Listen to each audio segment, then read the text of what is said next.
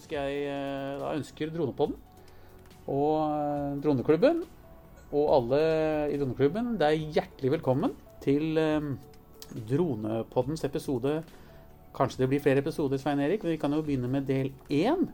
Som da omhandler litt tanker og litt dialog. Heller først litt dialog, og så kanskje litt tanker til slutt. Knyttet til droner og, ja, og IKT. I, uh, dette med informasjonsteknologi, digitalisering, uh, nettverk. Uh, derfor har vi fått inn Svein Erik Brede til å, til å snakke om noen av disse temaene. Kanskje vi streifer innom eh, 5G på slutten også. Hvem vet? Så Svein Erik. Hvem er han Svein Erik Brede? Ja, takk for at jeg ble invitert. Jeg er en ingeniør som jobber i forsvarsmateriell, IKT-kapasiteter. Og det, der har jeg jobbet i 35 år nå. Det har vært en litt stor endring, men det jeg jobber med, er nettverk. Og de fleste kjenner til nettverk på det lokalnettet du har på jobben din. Vi jobber også med det, men vi har også et landsomfattende VAN-nettverk, som innbefatter hele Norge, men også for å skaffe nettverk til utlandet ved hjelp av satellittkapasiteter. Og ikke nok med det, men når folk er ute i felten, der man ikke har noe samband fra før av, så er det også vi, min avdeling, som skaffer da samband og nettverk ute i felten. Så vi kjører på alt mulig fra fiber, høyhastighetsfiber, gigabit, ned til HF-radioer og alt mulig imellom her jobber min avdeling med. Og vi skal da prøve å sy sammen slik at nettet aldri vil falle ned, men alltid gi samband og nettverksressurser til den operative delen av Forsvaret. Dette var fryktelig mye og spennende område, Svein Erik. Fordi alle vet jo det at informasjonsteknologi og ja, digitale tjenester eh, Det er jo ikke det første vi tenker på. er jo egentlig Hva gjør Forsvaret der, Erik? Så dette var jo litt eh, morsom introduksjon. Jeg kjenner deg litt fra før av, og grunnen til at vi har valgt ut Svein Erik Brede, er fordi at han er veldig varm på å prøve å jobbe hver dag med å få inn norske gründere og gründerskap og ideer fra gründerne inn kanskje i Forsvarets eh, miljø. Ja, nei, jeg, altså, jeg har jo møtt deg ved flere anledninger, og andre gründere også. Og jeg mener at de store utfordringene vi står overfor nå, så må vi få inn mye mer av den gründermentaliteten av, av forskjellige gründere som har skikkelig ideer og ser muligheter i alt mulig, og ikke ser begrensninger, men muligheter. Og jeg tror vi må bruke disse gründerne for å kunne stå imot den økte trusselen vi har i cyberdomenet nå, og på IKT-siden generelt sett. Da vil, jeg, da vil, jeg, begynne å skryte litt av deg, Svein Erik. Fordi Svein Erik og teamet på FMA på Kolsås, det er der dere holder til, sitter bak, ja, sitter bak noen flotte porter der oppe på Kolsås. Det gamle Nato-hovedkvarteret som mange kjenner til på Kolsås. Der inne er jo Cyberforsvaret, og du jobber jo i samme bygningen som Cyberforsvaret i Norge. Og du har mye kommunikasjon med dem. Og dere har lagd en video. En, du kaller det en tegnefilm, men jeg syns faktisk det er en veldig god animasjonsvideo av en del gode ideer og hvordan dere har tenkt dere i framtiden, eller hvordan man i framtiden kanskje kan utnytte droner. Hæ? Er du ikke ja, enig? Det stemmer. Vi har laget en liten dronefilm Og får se på mulighetene med bruk av droner i, i Forsvaret. Og Den ønskes å litt rundt for å få litt tips og input og eh, tanker rundt den ideen. Og Det bygger opp om et lite scenario vi har, så jeg vet ikke om jeg skal fortelle litt om det. Jeg syns du skal gjøre det, men jeg vil bare igjen si at nå lastes den opp mens vi snakker. Og den skal vi legge ut tilgjengelig for Droneklubbens 10 000 medlemmer. Vi snakker stadig vekk om det. Vi er litt stolte Stein Erik, at vi nå er snart 10 000. Det er rett før vi er 10 000 medlemmer i klubben, og det er et veiskille for oss. Men og vi skal legge den ut, sånn at Droneklubbens medlemmer får lov til å se den filmen. og vi, Jeg vil jo anbefale alle nå som hører på denne poden, kanskje til å stoppe poden akkurat nå, og så se den filmen. Og så starte poden eh, og høre hva nå Svein Erik kan si. Så da kan du tenke deg Svein Erik, at folk har nå sett filmen, og så kan du forklare litt hva den eh, viser. Ja. Eh, da har jeg litt, lyst til å gå litt tilbake til 35 år tilbake. 35 år tilbake? Det er jo forrige århundre, det, Svein Erik. Ja, men det er liksom ikke mann som er stig, så det går greit, det. Nei, men eh, ting har endret seg utrolig mye på 35 år. Og bakgrunnen for den dronefilmen, og det jeg kommer til å snakke om, er at for 35 år siden så var ting enklere. Da brukte eh, fiender av Norge, for det er det vi snakker om, altså Forsvaret og fiender Fiender av Norge brukte tre til seks måneder for å bygge seg opp for å kunne angripe Norge. Og tilsvarende hadde vi da tre til seks måneder å bygge opp mottiltak. Men hvis vi følger med litt av det som har skjedd i Europa de siste årene, og ellers rundt omkring i verden, så har vi ikke den responstiden lenger. Vi har en responstid kanskje ned på fire-fem timer, eller det er snakk om timer. Og her er clouet at eh, vi kan ikke være mørklagt. Altså Vi kan ikke være blinde, Forsvaret. Vi kan ikke tillate at nettet er nede. Vi har fryktelig mange sensorer, radar osv. Men hvis de går blinde, går i sort, eh, bare for noen få timer, så kan det være nok til at angriperen får en fordel. Så vi må alltid ha nettet oppe. Og det er her droner kan komme inn og spille en rolle, mener jeg. Dette er veldig spennende tanker. Nå setter vi oss ordentlig på pinnebenken her. Altså, nå, nå, denne her tegnefilmen, animasjonsfilmen som dere har laget, eh, hva er det den viser for noe, Svein Erik? Den viser et tenkt scenario. Det er en litt mindre scenario enn det jeg snakker om nå, egentlig. Men eh, på Finnmarksvidda så har vi da mistet all eh, kommunikasjon. Vi vet ikke hva som skjer. Og vi må da raskest mulig inn og få en oversikt over hva som har skjedd her. Og det første vi gjør, er da å sende en drone inn for å få tatt noe video og uh, bilder av dette her. Men også å etablere samband tilbake til hjemmebasen. Da, Svein Erik, det du, sier, det du sier, Svein Erik, nå skal jeg beklage at jeg avbryter litt, nå, men det du egentlig sier, er at ikke har vi DAB. Ikke har vi Internett. Ikke fungerer betalingsterminalen. Ikke har vi TV. Det eneste vi kan snakke med, si, er over hekken til naboen. Det er det du forteller om, ikke sant? Helt korrekt. Alt er slått ut. Det er ikke mulig å få informasjon noe sted på noen digitale mediumer. Og hva ja. gjør vi da? Det er vel det du prøver å beskrive, er ikke det? Ja.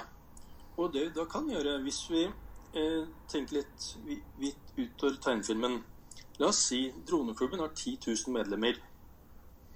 La oss si at 1000 av de medlemmene har en liten radiosender og mottaker.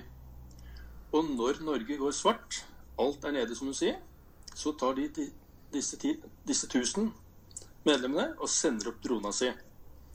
Og over hele landet. Da kan vi få et mest nettverk over hele landet som kan bringe informasjon over dette nettverket til viktige eh, personer i Forsvaret. La oss si at du er utenfor Tromsø, Stig. Du ser hva som skjer. Det kommer 15 fartøyer fra en annen militærmakt inn mot oss, men du greier ikke å kommunisere dette til Forsvaret, for du har ikke noe samband. Men sender opp 1000 droner, så har du et lite nett, og du kan sende beskjeden din. Jeg ser 15 fartøy. De går mot uh, Tromsø her og her. GPS-posisjon slik. Det er ikke mye data som skal over. Og den lille datamengden kan du få etablert via et slikt uh, dronenettverk, tenker jeg på. Det er ikke snakk om gigabit-forbindelser her, bare noen få kilobit, men det holder i en slik gitt situasjon. Så du egentlig eh, prøver å beskrive nå, før du skal fortelle mer om denne flotte filmen din, så prøver du å fortelle at med en liten device, enhet, som vi kan fordele til et miljø som driver med droner, da. og hvis den blir puttet ja. inn i en drone og løftet høyt nok, og kan henge en time eller tre da, eller en time eller ja, bare 20 minutter, og så kan man gå ned og bytte batteri og henge oppe nye 20 minutter i ditt mm. område, så kan, du, så kan, man bidra med Sånn som man tente, fak, eh, tente fakler, da, eller varder. Tente, man tente jo varder før, før, vi hadde all type kommunikasjon, så tente man jo varder for å varsle. Det, dette er vel egentlig en analog, holdt jeg på å si, digital droneversjon av de gamle vardene, dette her, da. Ja, nå tok du eksempelet mitt ut allerede. Jeg satt og tenkte på det med varder. Vi kan bruke det som en vardebrenning. At vi bruker drone som, dette, som en ny varder i 2020. Og det som er veldig viktig med dette her, det er det at eh, en fiende kan ikke være sikker på at eh, hele Norge er i svart når vi har 1000 droner oppe. Og for å gjøre enda vanskelig for fienden, så sender vi opp til 9000 andre droner også fra droneklubben. Vi har 10 000 droner som er oppe og flyr de greier ikke å ta ut nok der til å stoppe eh, forbindelsene våre. Så de, de, kan jo ikke være sikre på at informasjonen du sender, ikke kommer fram til Forsvarets ledelse. Og når de ikke er sikre på det, så kan det hende at da lar de være å angripe Norge. fordi for å lykkes med angrepet, så må de ha et overraskelsesmoment som de ikke kan være sikre på at de har. Eller at terskelen for å angripe Norge er mye høyere, fordi vi er alltid på nett takket være dronene. Dette er jo veldig morsomme, spennende tanker, Brede. Jeg må jo innrømme at ja. jeg får litt gåsehud ja, når du snakker sånn. Da kan du spandere sånne små sendere på oss 10 000 medlemmer, da? Ja, for det, jeg har ikke de pengene eh, akkurat nå. Men vi snakker jo om det frivillige skyttervesen. Men tenk om vi får det frivillige dronevesen. Og da har jo du 10 000 medlemmer allerede, som kan være medlemmer der. Og hvis vi trekker den storyen litt til Det kommer ikke direkte fram av tegnefilmen, men vi bygger litt videre på den. Eh, du snakket om 5G i din første pod. Det er helt korrekt. Vi, er jo involvert i testingen av 5G, og, og, det er veldig spennende. Nå skal altså Telenor være med i poden eh, nå i november, eh, Svein Erik, og de skal fortelle litt om 5G-satsingen til Telenor. Men eh, du skal få lov til å fortsette med 5G. Ja, Få høre hva du tenker. Ja, fint. Fordi du snakket jo om da å styre dronene ved hjelp av 5G. Og det er utrolig interessant. Men i mitt scenario så er hele 5G-nettet, GPS-nettet, alt er nede. Men eh, La oss si at du får meldt fra at det kommer en fiende styrke inn mot Tromsø. Og så kommer da første militærpatrulje på stedet. De har en liten 5G-celle med seg. Den trengs ikke å være oppi drona, men la oss si at du har en drone med 5G-celle. De etablerer da en liten boble på øh, Tromsø der. Og så la oss si at igjen droneklubbens medlemmer La oss si at i, i øh, området rundt Tromsø så har du 500 medlemmer. Alle de har en avtale med Forsvaret, så de sender opp sine droner. De uh, svever rundt fienden i nærheten osv., tar masse videoer. Det er infrarøde kameraer, det er andre sensorer osv. Og, og når da vi får opp den 5G-cella vår med edge computing Altså edge computing, det vil jo bare si at du har ikke en stor sky som er eh, et annet sted. Du har en lokal sky på den 5G-cella. Og da mater alle de 500 dronene sine input inn i den Edge-computeren, som har stor regnekapasitet, og AI, altså kunstig intelligens. Og så suger den til seg all data og beregner og gir da soldaten på stedet nyttig informasjon om hvor de fremmede styrkene er, hvilke våpensystemer de har osv. Og, og våre soldater får da en fordel ved å få inn all den dataen takket være de dronene som er oppe og svever hele tiden. Og igjen med 500 droner så er det litt jobb å ta ut de. Og hvis de blir tatt ut, så vet man jo også hvor fienden er. De blir avslørt. Så dette kan gi oss en stor fordel ved å bruke det frivillige dronevesen på en sånn måte. Det en fryktelig spennende tanke du har, Brede. Jeg, jeg, har jo jobbet med deg for mange mange år siden, og vi har jo kjent hverandre over tid eh, når vi har vært kreative i mange anledninger, Brede. Jeg må jo si at denne frivillige dronevesen-tanken din, som kommer helt brått på meg akkurat nå, den er besnærende. Ja, men hvis du tenker sånn, Stig eh, Er det fantasi? Eller altså, det eksisterer ikke i dag, men eh, det burde ikke være noe vanskelig å få til dette her. Du har teknologien i dag. Du har veldig mange ivrige folk i droneklubben og andre steder som bruker droner. Det burde ikke være noe vanskelig å få til dette her. Det er ikke noe sånn fremtids uh, high uh, fiction, det her. Det, er, det, kan gjennomføres allerede i dag. Det eneste det står på, er hva denne fine senderen din hva den veier, egentlig, Svein Erik, som styrer om vi kan få det til eller ikke. Ellers er alt mulig. Ja, men Eh, jeg tror at etter hvert altså Så å si enhver drone kan bidra inn og gi input til den analysen på eh, Edge-computeren. Og det er klart at eh, når du For vi, nå snakker vi om første, de første timene etter et angrep. Det er klart at Etter hvert som du får mer styrker, så trenger du mer båndbredde. Større droner som kan gi større båndbredde. Og Da trenger du kanskje droner som er trådbundet, sånn at du får strømmating fra bakken og kan løfte større eh, kommunikasjonsmoduler. Eh, 5G eller andre eh, moduler. Da trenger du større. Men i de første eh, par timene så kan det være en, godt hende at de dronene vi har allerede, er gode nok Og da, det jeg snakker om nå, er jo egentlig dronene som en tjeneste. De Kan ja, det er helt enig? Ja, og det er jo spennende tanker. Og dette med meshing, da, som du nevnte i stad. Nå kan eh, medlemmene våre få lov til å google begrepet meshing. Men kan ikke du forklare hva meshing er for noe, Svein Erik Brede? Du som er ekspert på meshing. Jeg er ikke noe ekspert, og det er sikkert mange som sier at det jeg sier noe er feil, men meshing, mesh-nettverk, altså vi snakker om et nettverk. Men uh, mesh-nettverk, det vil si at uh, du har masse nettverkskomponenter som da automatisk finner ut andre komponenter i nærheten, og starter å snakke med de på egen hånd, med alle enhetene rundt seg som de har tilgang til. Og så har du plutselig et veldig stort nettverk der alle komponentene snak uh, mer eller mindre snakker med hverandre. Og du kan ha en komponent som faller ut, en annen tar over osv. Så, videre. så du har et stort antall nettkomponenter som snakker med hverandre på eh, rent eh, automatisk, kan du si. da. Ja, dette er veldig, veldig morsomt. Jeg har to-tre spørsmål til til deg i dag, eh, Svein Erik. Tida går fort her nå, og dette var veldig spennende ideer. Og ikke minst ideer, men dette er jo mer enn ideer. Dette er jo faktisk mulig å gjennomføre. Svein Erik, et spørsmål som har kommet inn eh, på mail. Eh, For jeg har nemlig vært så freidig at jeg har forespurt klubbens medlemmer om de har noen innspill. Og jeg har fått litt innspill, eh, Svein Erik. Og det ene spørsmålet jeg syns var litt morsomt, eh, som kom inn her, det kom inn her om dagen, og det er følgende. Hvilke utfordringer har Forsvaret med å benytte norske små og mellomstore gründerbedrifter? Ja. Utfordringen der at uh, vi er jo nokså rigide på lover og bestemmelser. Og en del gründerfirmaer, uten å nevne navn og ditt sting, de, dere er jo veldig sånn på, og kanskje ikke er så vant til det byråkratiske regelverket som vi må bruke for å ta kontakt med gründerfirmaer. Så det er en viss utfordring der. Men jeg tror det har blitt litt bedring der nå i det siste, fordi Forsvarets forskningsinstitutt, FFI, de startet vel i fjor med noe som heter Iceworks. Og det vil si at alle gründerne de kan ha en grensesnitt mot Forsvaret via dette Iceworks-arbeidet. Det er nok eh, kanskje en del små gründerfirmaer som syns det er litt eh, byråkratisk å kontakte de også, men det er det bindeleddet mot Forsvaret.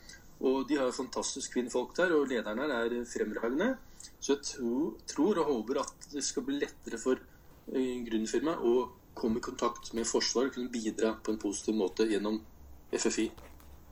Veldig spennende. Ehm, Jeg må innrømme det, Svein Erik, at jeg også har hørt om og har sett og opplevd deg i en annen podkast som, eh, som heter LearnTech. Og LearnTech har veldig mange podkaster.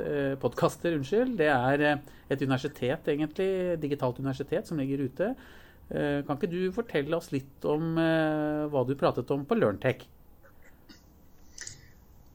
Eh, noe av det samme, men nå har jeg kommet et steg videre.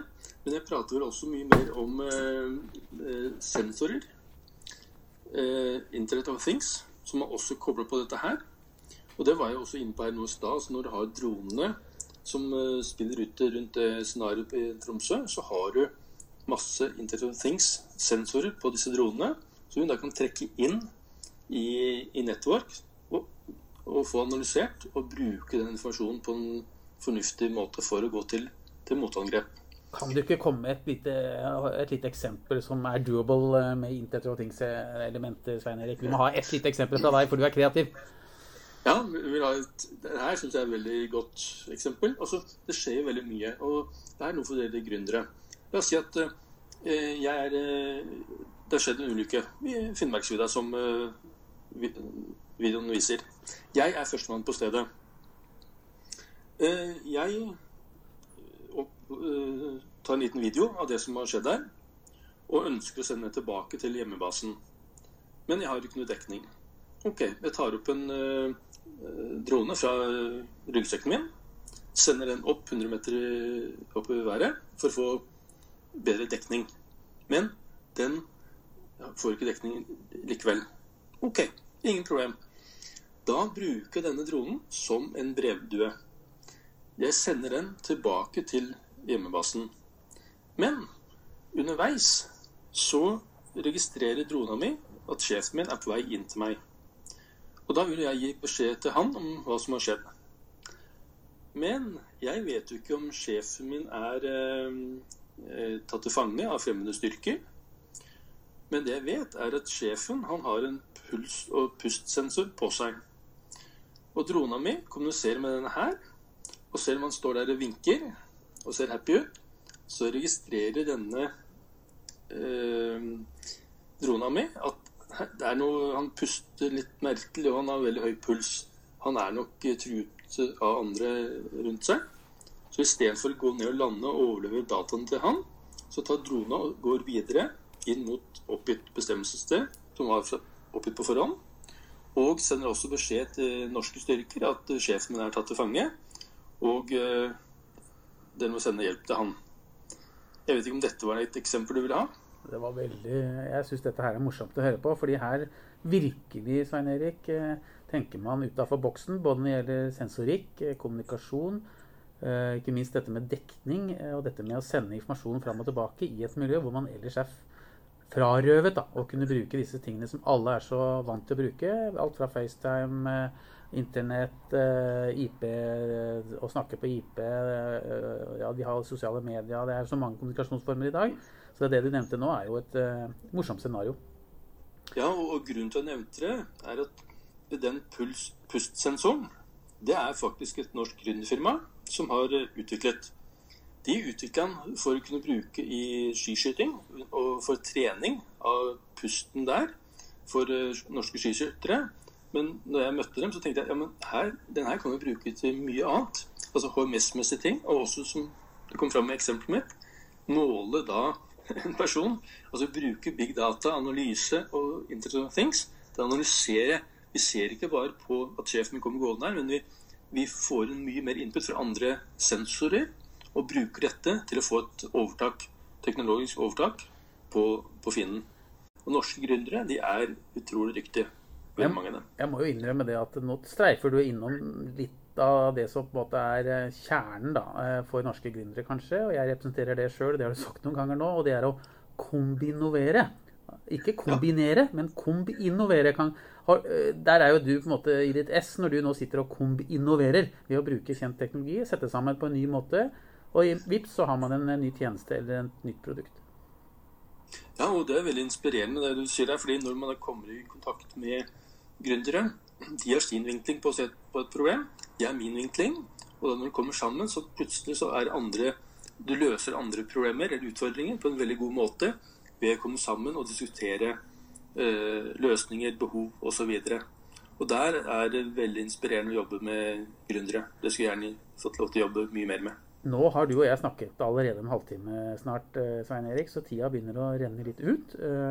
Det jeg har lyst til å gjøre, er å stille deg et spørsmål som slår meg litt her. Det høres ut som du, selv om du er byråkrat eller jobber i Forsvaret, jeg vet ikke hva man kaller det når man er i Forsvaret, er man kanskje både byråkrat og ansatt i staten, men det høres ut som du alltid er på jobb oppi hodet når det gjelder teknologi og muligheter. Har du et mantra, Svein Erik, som, som vi kan dra fram? Ja, morgendagens løsninger bygges ikke ut fra gårsdagens begrensninger. Ja, Spennende. Den, den, likte jeg. Den skal vi notere oss ned som en frase i, i podkastens notater her. Siste spørsmål. Siste spørsmål som vi skal stille deg nå før vi skal si takk for at du satte av tid til å prate med oss i Droneklubben. Og det er hvilket råd vil du gi det norske dronemiljøet utover det du har snakket om? Da er vi litt tilbake til mottoet mitt. Og også ikke se begrensninger, bare muligheter. Og push limiten hele tiden. Og prøv å finne nye løsninger på ting som virker uløselig. Svein Erik, tusen takk igjen for at du på ettermiddagen her ville bruke tid og snakke litt av disse tingene med oss i Droneklubben. Så jeg igjen ønsker deg videre en spennende framtid i Forsvaret med dine ideer. Og så håper jeg dere sammen der inne på Kolsås, oppe på Kolsås, må vi nesten si, greier å få involvert flere norske gründere, sånn at vi kan få et sterkt norsk forsvar som er både disruptivt og innovativt. Så hjertelig takk, Svein Erik. Jo, takk for at dere ble invitert.